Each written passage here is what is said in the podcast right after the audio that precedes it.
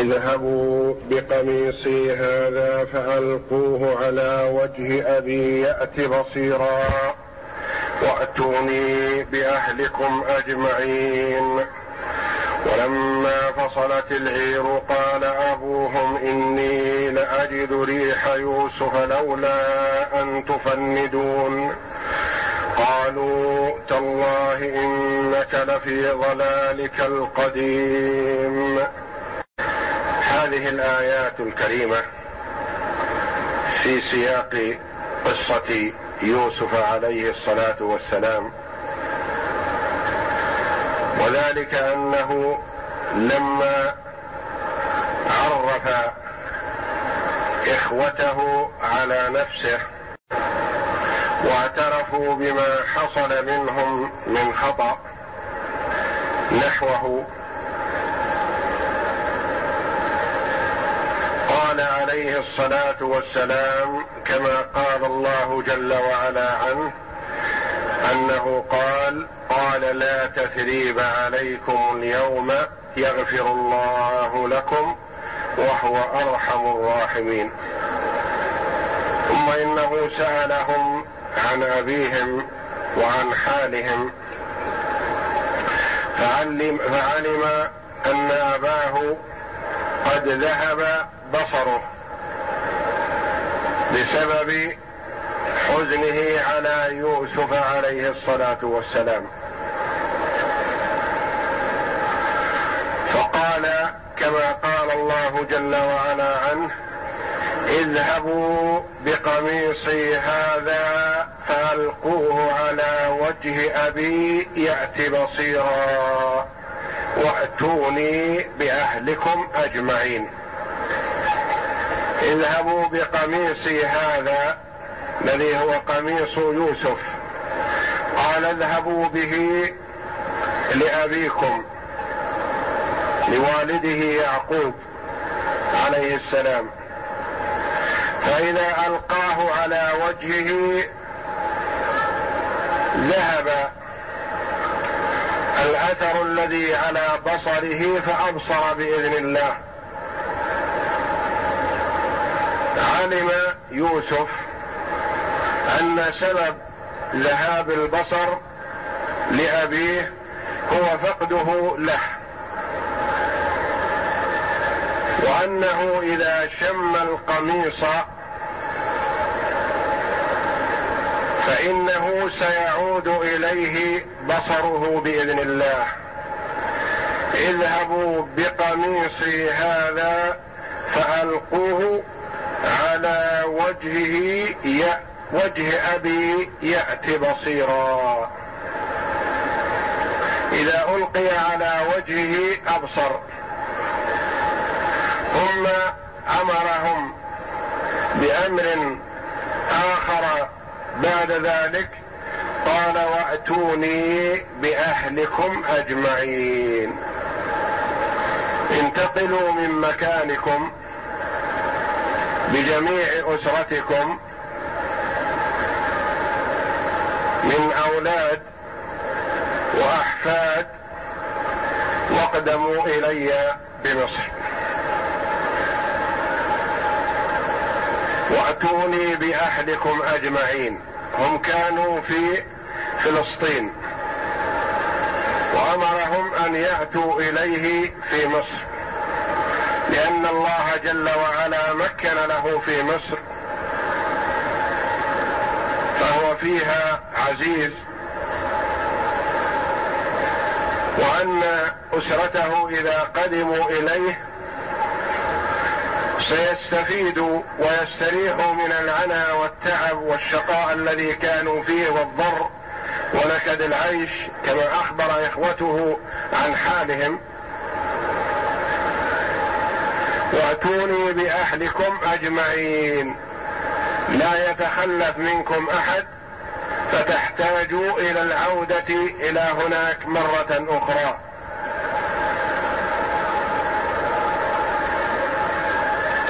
ويروى أنهم قدموا عليه وهم فوق الستين شخصا ما بين ذكر وأنثى وصغير وكبير.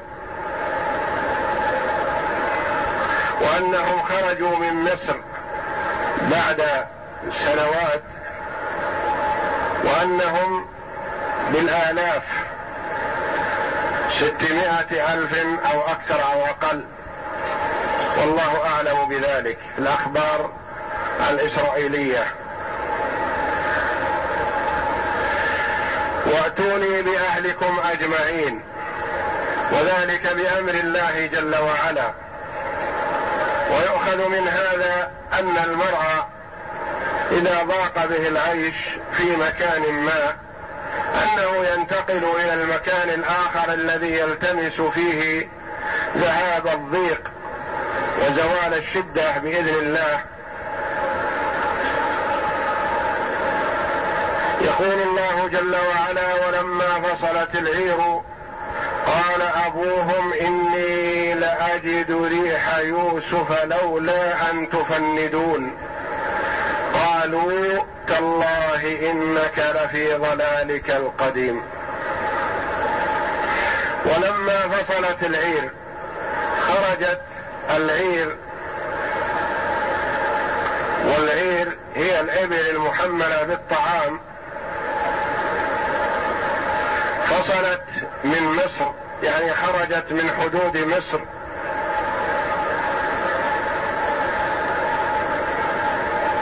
نقلت الريح بإذن الله جل وعلا إلى يعقوب رائحة يوسف الموجودة في القميص الذي مع العير. فلما فصلت العير قال أبوهم إني لأجد ريح يوسف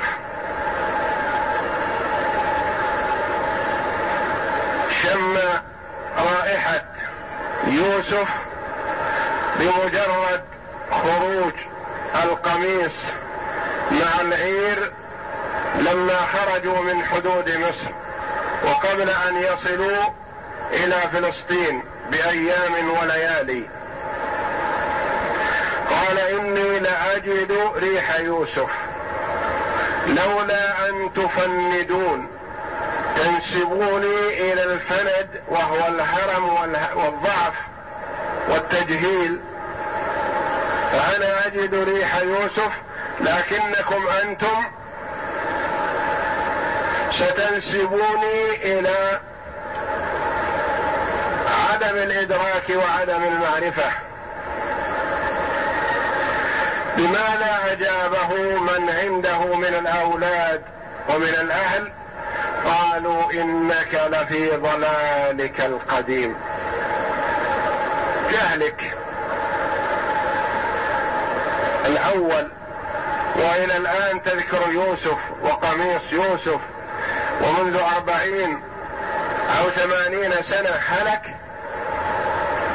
وترى أن يعود إليك وتشم رائحته الآن. قالوا تالله التاء حرف قسم. والله جل وعلا مقسم به. تالله إنك لفي ضلالك يعني جهلك. القديم الأول. لأنه لا يليق بعاقل. إنك لفي ضلالك القديم. وأكدوا نفيهم لذلك بمؤكدات كثيرة. منها القسم. تالله وإن المؤكدة إنك لفي ضلالك القديم دخول اللام على الخبر.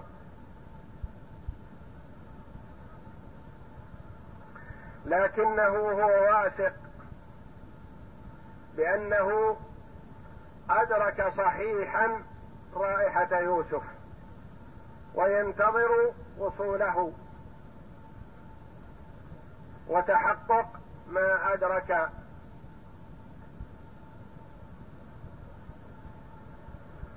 قال الله جل وعلا فلما أن جاء البشير ألقاه على وجهه فارتد بصيرا.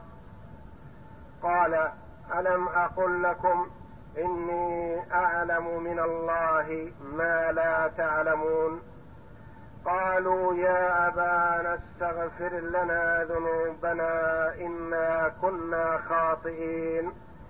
قال سوف أستغفر لكم ربي إنه هو الغفور الرحيم. فلما أن جاء البشير المبشر بخبر يوسف ومعه القميص وهو كما روي يهوذا الذي جاءه بالقميص منذ أربعين أو ثمانين سنة ملطخا بالدم الكذب. رغب واختار أن يكون هو الذي يذهب بالقميص الآن مقابل ما ذهب به في السنوات الماضية. القميص الملطخ بالكذب بالدم الكذب هو الذي ذهب بالقميص الذي فيه رائحة يوسف. فلما أن جاء البشير ألقاه يعود إلى القميص المذكور في الآية السابقة.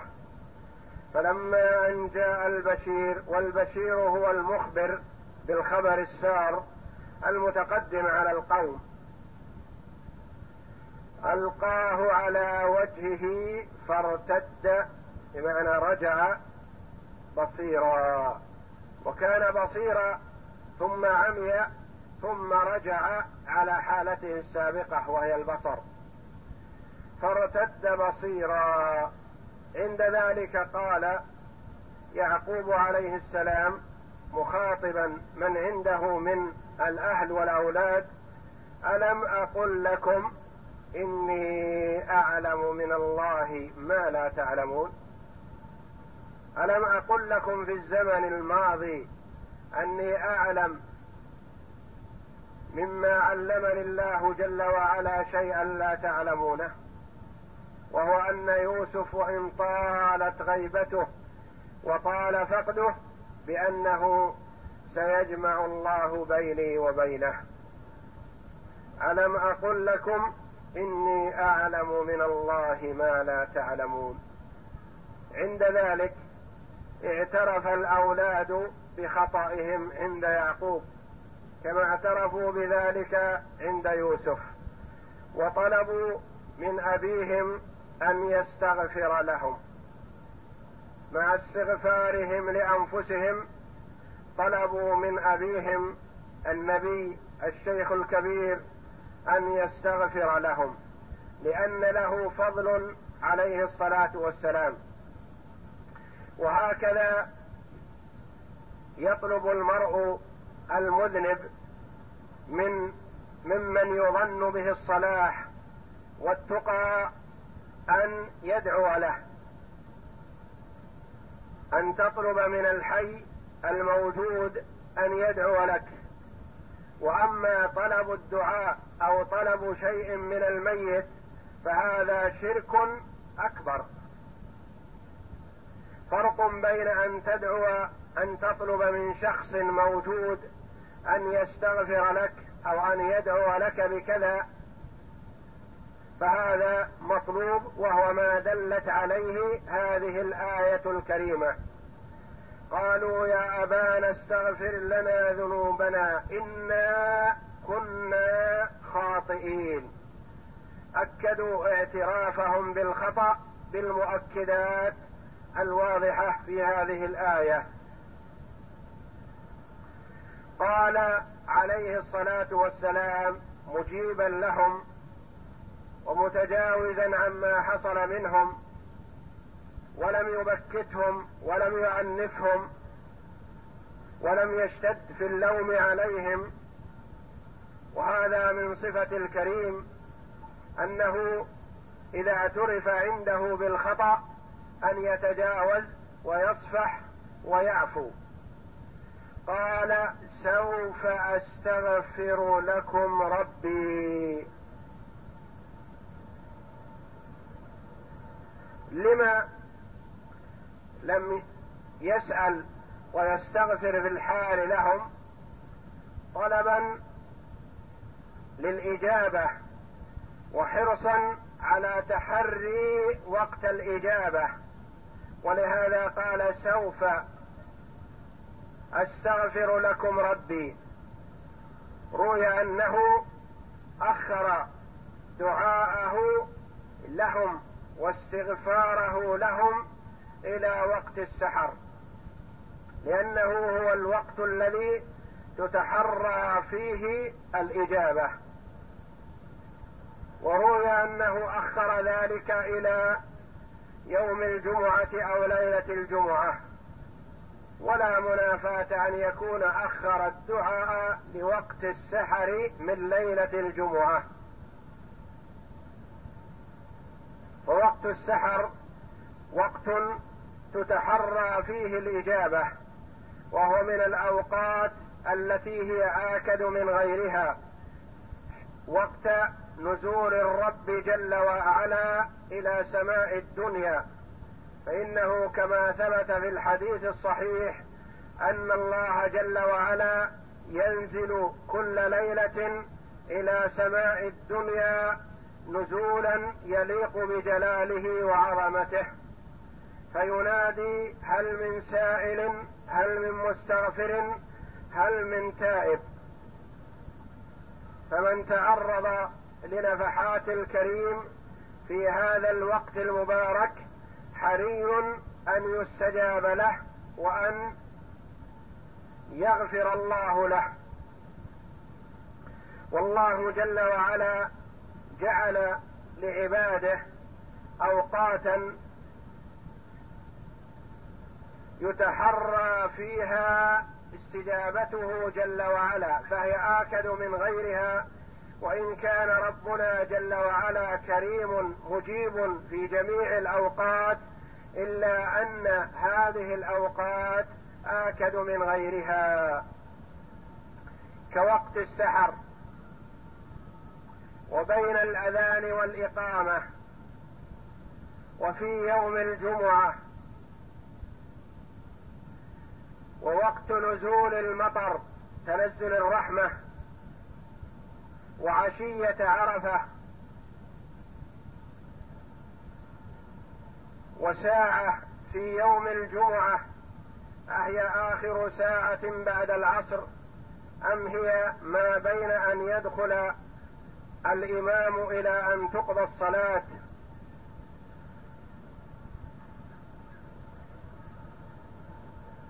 أوقات كثيرة تتحرى فيها الإجابة فحري بالعبد إذا أراد أن يتوجه إلى الله جل وعلا بالتوبة والندم على ما فرط منه.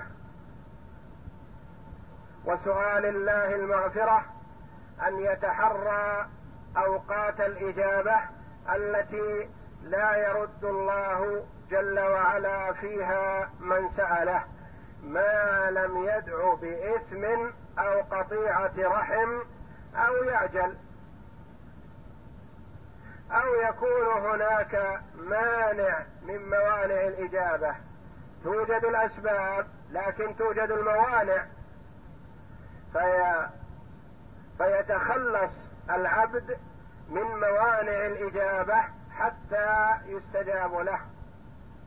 ومن أكبر وآكد موانع الإجابة وأشدها أكل الحرام والعياذ بالله. من ربا مال تجمع من الربا هذا حرام. مال مسروق هذا حرام. أخذ من صاحبه بغير حق بالقوة والظلم هذا مال حرام. أخذ بالغش أو الخديعة أو الخيانة. أو الاحتيال مال حرام. وقد بين صلى الله عليه وسلم تأثير المال الحرام على صاحبه في عدم إجابة الدعوة مع وجود أسباب الإجابة. حيث قال صلى الله عليه وسلم ما ذكر الرجل أشعث أغبر. لما ذكر الرجل يطيل السفر أشعث أغبر. يمد يديه إلى السماء يقول يا ربي يا ربي ومطعمه حرام ومشربه حرام وغذي بالحرام فأنى يستجاب لذلك.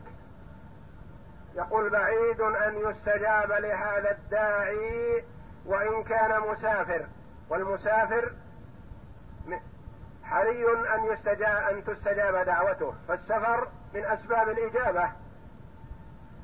والشعثه والغبرة من أسباب الإجابة رب أشعث أغبر مدفوع بالأبواب لو أقسم على الله لأبره.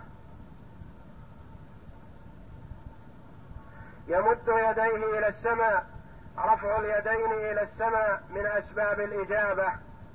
الله جل وعلا جواد كريم وهو كما ثبت في السنة حيي كريم يستحيي من عبده إذا رفع إليه يديه أن يردهما صفرا. فرفع اليدين إلى السماء إلى الله جل وعلا من أسباب الإجابة. يقول يا رب يا ربي تكرير الندى للرب جل وعلا تكرير الدعاء تكرير المنادات باسمه جل وعلا. سبب من أسباب الإجابة مع وجود هذه الأسباب الكثيرة من أسباب الإجابة لما كان المطعم حرام والمشرب حرام وغذي بالحرام قال عليه الصلاة والسلام فانى يستجاب لذلك. أي بعيد بعيد أن يستجاب له. ولما قال سعد للنبي صلى الله عليه وسلم ادعو الله أن يجعلني مستجاب الدعوة قال عليه الصلاة والسلام أطب مطعمك تكن مستجاب الدعوة. أطب مطعمك. وليس المراد بطيب المطعم أن يكون من الطيب يكون من مما لذ وطاب من الطعام وإنما المراد اجعل مطعمك حلالا. فالطيب هو الحلال. أطب مطعمك. اجعل مطعمك حلال تكن مستجاب الدعوة. وورد في الحديث أن العبد يقذف في جوفه اللقمة الحرام لا يستجاب له كذا وكذا كما قال صلى الله عليه وسلم. فحري بالعبد الذي يريد أن يستجاب له أن يطيب مطعمه أن يتجنب الحرام أن لا يأكل إلا ما أحل الله له. قال سوف أستغفر لكم ربي. وعدهم بأن يستغفر لهم. أن يطلب لهم المغفرة لما صدر منهم من جرم. ثم قال إنه هو الغفور الرحيم. فهو جل وعلا غفور رحيم. يرحم عبده إذا تضرع إليه. يغفر له إذا سأله.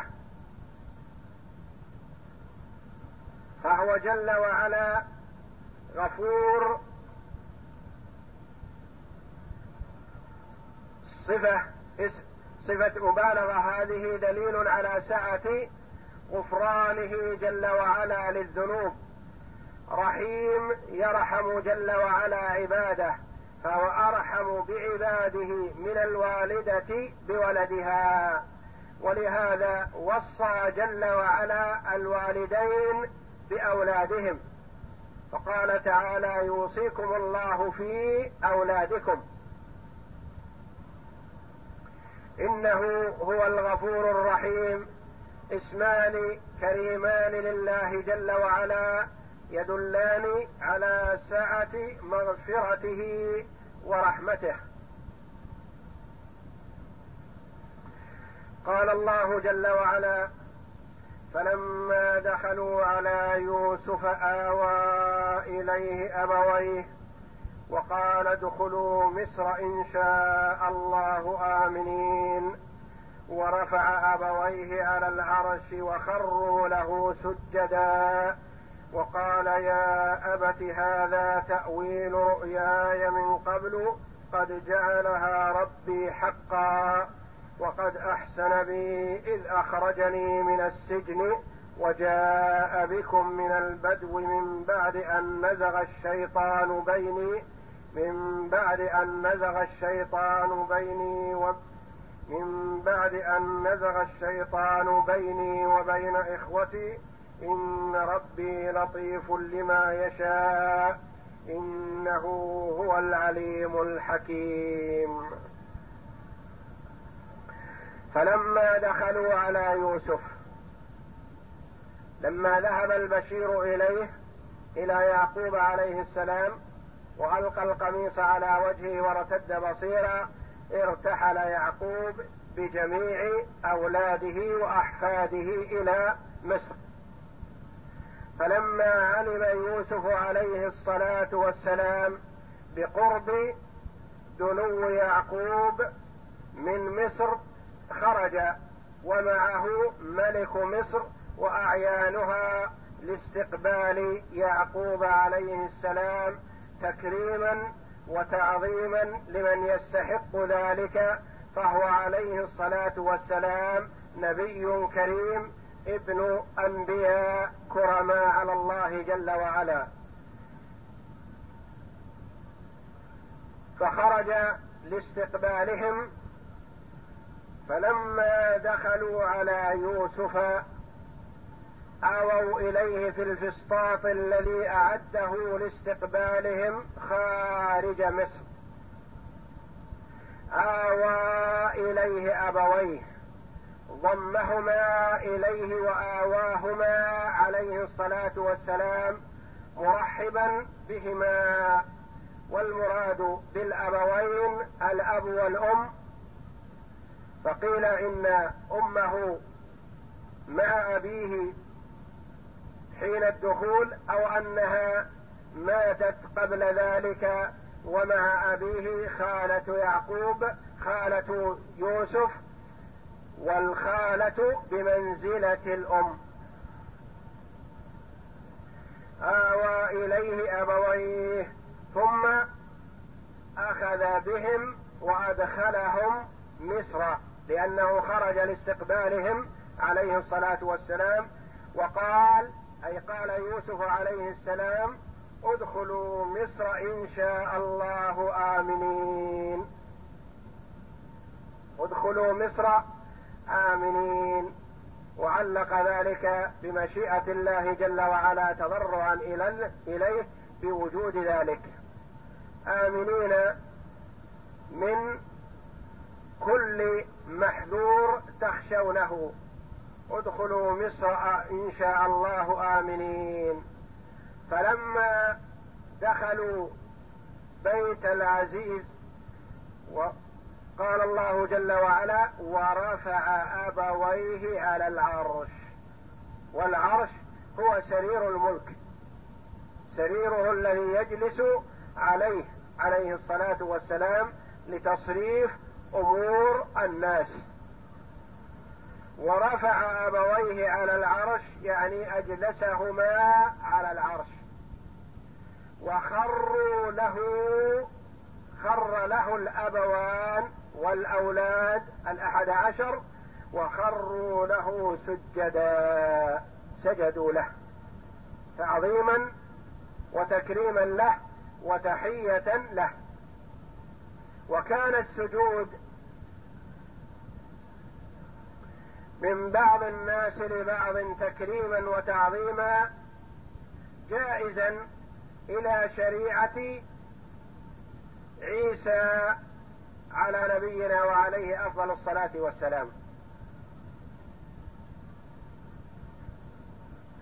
فكان المرء إذا دخل عند من يعظمه سجد له. هذه التحية. فخر يعقوب وأولاده وأم يوسف أو خالته. خروا سجودا تعظيما ليوسف عليه الصلاة والسلام. وروي أن معاذ بن جبل رضي الله عنه لما قدم على النبي صلى الله عليه وسلم من سفر وكان محبا معظما للنبي صلى الله عليه وسلم وراى ان فارس والروم يعظمون كبراءهم بالسجود لهم خر معاذ رضي الله عنه ساجدا للنبي صلى الله عليه وسلم. فقال النبي صلى الله عليه وسلم ما هذا؟ قال رأيت فارس والروم يعظمون عظماءهم بالسجود لهم وأنت أحق منهم بذلك يا رسول الله. فأخبر صلى الله عليه وسلم بأن السجود لا يجوز إلا لله. وقال عليه الصلاة والسلام لو كنت امرا احدا أن يسجد لأحد لأمرت المرأة أن تسجد لزوجها. وذلك لعظم حقه عليها. فمنعنا من السجود إلا لله جل وعلا. لما خر الأبوان هذا تفسيرها هذا حقيقتها. الآن وقعت. متى رآها؟ منذ أربعين سنة أو منذ ثمانين سنة كما قيل. كان بين رؤية رؤيا يوسف عليه السلام أنه رأى أحد عشر كوكبا والشمس والقمر رآهم له ساجدين كما أخبر الله جل وعلا عن ذلك. وبين سجودهم له قيل أربعون سنة وقيل ثمانون سنة. والله أعلم. هذا تأويل رؤياي من قبل قد جعلها ربي حقا قد وجدت. ثم تذكر يوسف عليه الصلاة والسلام مذكرا لمن حوله بنعمة الله عليه. وهكذا ينبغي للمرء إذا أنعم الله عليه بنعمة بعد تعب أو بؤس أو شقاء أو مشقة أن يتذكر حاله السابقة. ليجدد الاعتراف بالنعمة لله جل وعلا. ولا ينسى حالته السابقة. قال عليه الصلاة والسلام كما أخبر الله عنه وقد أحسن بي إذ أخرجني من السجن مخبرا لأبويه وإخوته ومن حوله بأن الله جل وعلا قد لطف به إذ أخرجه من السجن لأنه كان سجين. جلس في السجن سبع سنوات أو اثني عشر سنة أو أربع عشرة سنة أو أقل أو أكثر فالله أعلم بذلك. وقد أحسن بي تكرم علي ولطف بي إذ أخرجني من السجن. كما أنعم علي بأن جاء بكم من البدو. جاء بكم إلي في هذا المكان لأن يعقوب عليه السلام كان في بادية فلسطين. كان في البادية. وكان المال الذي لديه الإبل والغنم. وجاء بكم من البدو. جاء بكم إلي في هذا المكان في مصر بعدما كنتم في البادية. وجاء بكم من البدو من بعد أن نزغ الشيطان بيني وبين إخوتي. انظر. إلى حسن كرمه وعفوه عليه الصلاة والسلام ولطفه مع إخوته.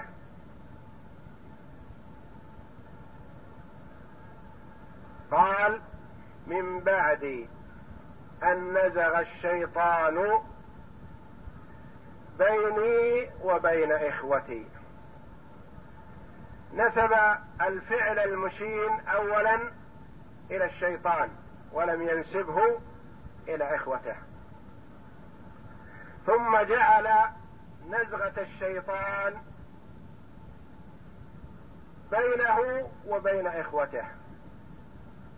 ما قال نزغة الشيطان بإخوتي أو طاعة إخوتي للشيطان؟ قال بيني. بدأ بنفسه أولا. نزغ الشيطان بيني وبين إخوتي. فهو عليه الصلاة والسلام أتى بهذا اللفظ ممتثلا ومتقيدا بما قال لهم سابقا لا تتريب عليكم اليوم. لن يلومهم أو يوبخهم أو يتكلم بكلام يغضبهم.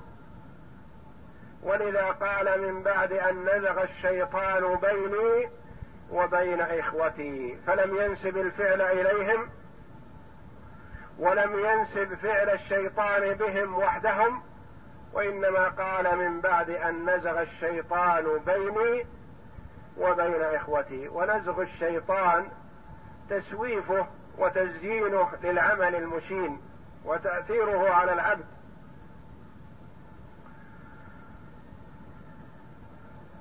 واعترف بكرم الله جل وعلا ولطفه وجوده قائلا إن ربي لطيف لما يشاء. لطف بي في وقت المحنة والشدة. لطيف لما يشاء. معترفا بلطفه جل وعلا به حينما ألقي في الجب. ولم يذكر ذلك. وإنما أشار إليه بلطف الله جل وعلا. بلطفه جل وعلا به حينما أخرجه من السجن. بلطفه جل وعلا حينما صرف عنه كيد النسوة. وكيد امرأة العزيز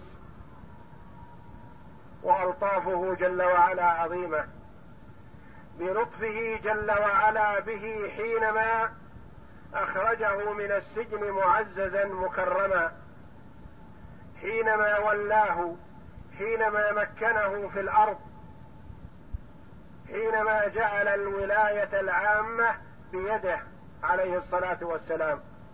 إن ربي لطيف لما يشاء. إنه هو العليم الحكيم. هو واسع العلم والاطلاع جل وعلا. الحكيم الذي يضع الأشياء مواضعها جل وعلا. فهو ينعم على من يستحق الإنعام. ويحرم جل وعلا من يستحق الحرمان. ويبتلي عبده وهو يحبه. لحكمه يريدها الله جل وعلا. يختبر عباده وهو أعلم بما هم عاملون قبل أن يعملوا. وأنه جل وعلا قد يبتلي العبد بالشدائد والمصائب كما ابتلى يعقوب وابتلى إبراهيم وابتلى يوسف. وابتلى أصفياءه من خلقه. الأنبياء عليهم الصلاة والسلام. يبتليهم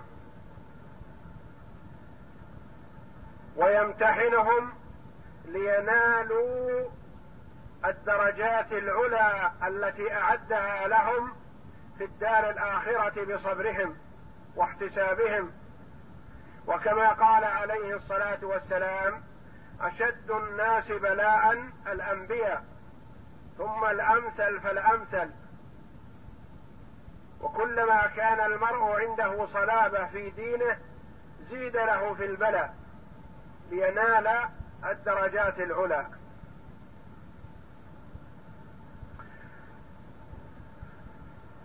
فكثيرا ما يبتلي الله جل وعلا العبد وهو يحبه. كما ابتلى الأنبياء عليهم الصلاة والسلام وهم أكرم الخلق عليه. فلا يجوز لقائل أن يقول كيف ابتلى يعقوب وهو نبي من الأنبياء وكريم عليه كيف ابتلاه بفقد ولده وبالحزن الشديد وبالعمى وبفقد ولده الآخر فيما بعد.